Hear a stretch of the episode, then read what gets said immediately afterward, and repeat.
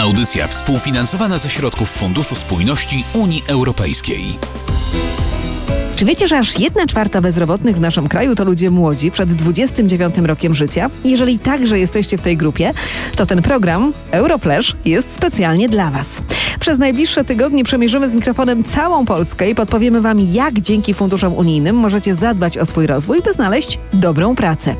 Sprawdzimy, gdzie się zgłosić, by skorzystać ze szkoleń, płatnych staży czy praktyk. Powiemy Wam także o fajnych unijnych projektach i wsparciu przygotowanym specjalnie dla Was w Waszym regionie. Zostańcie z nami i sprawdźcie, jak może pomóc Wam Unia Europejska.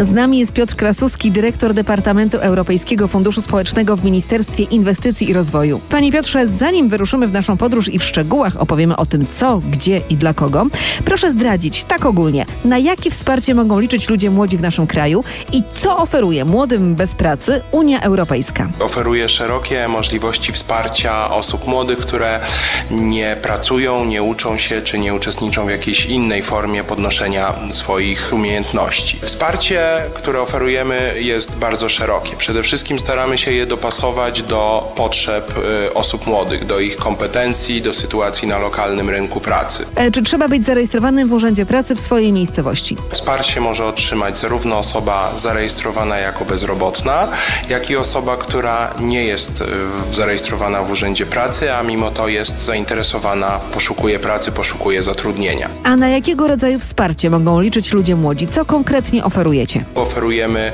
szkolenia, płatne staże, również szerokie możliwości założenia własnego biznesu. Można dostać na ten cel dotacje w wysokości ponad 26 tysięcy złotych.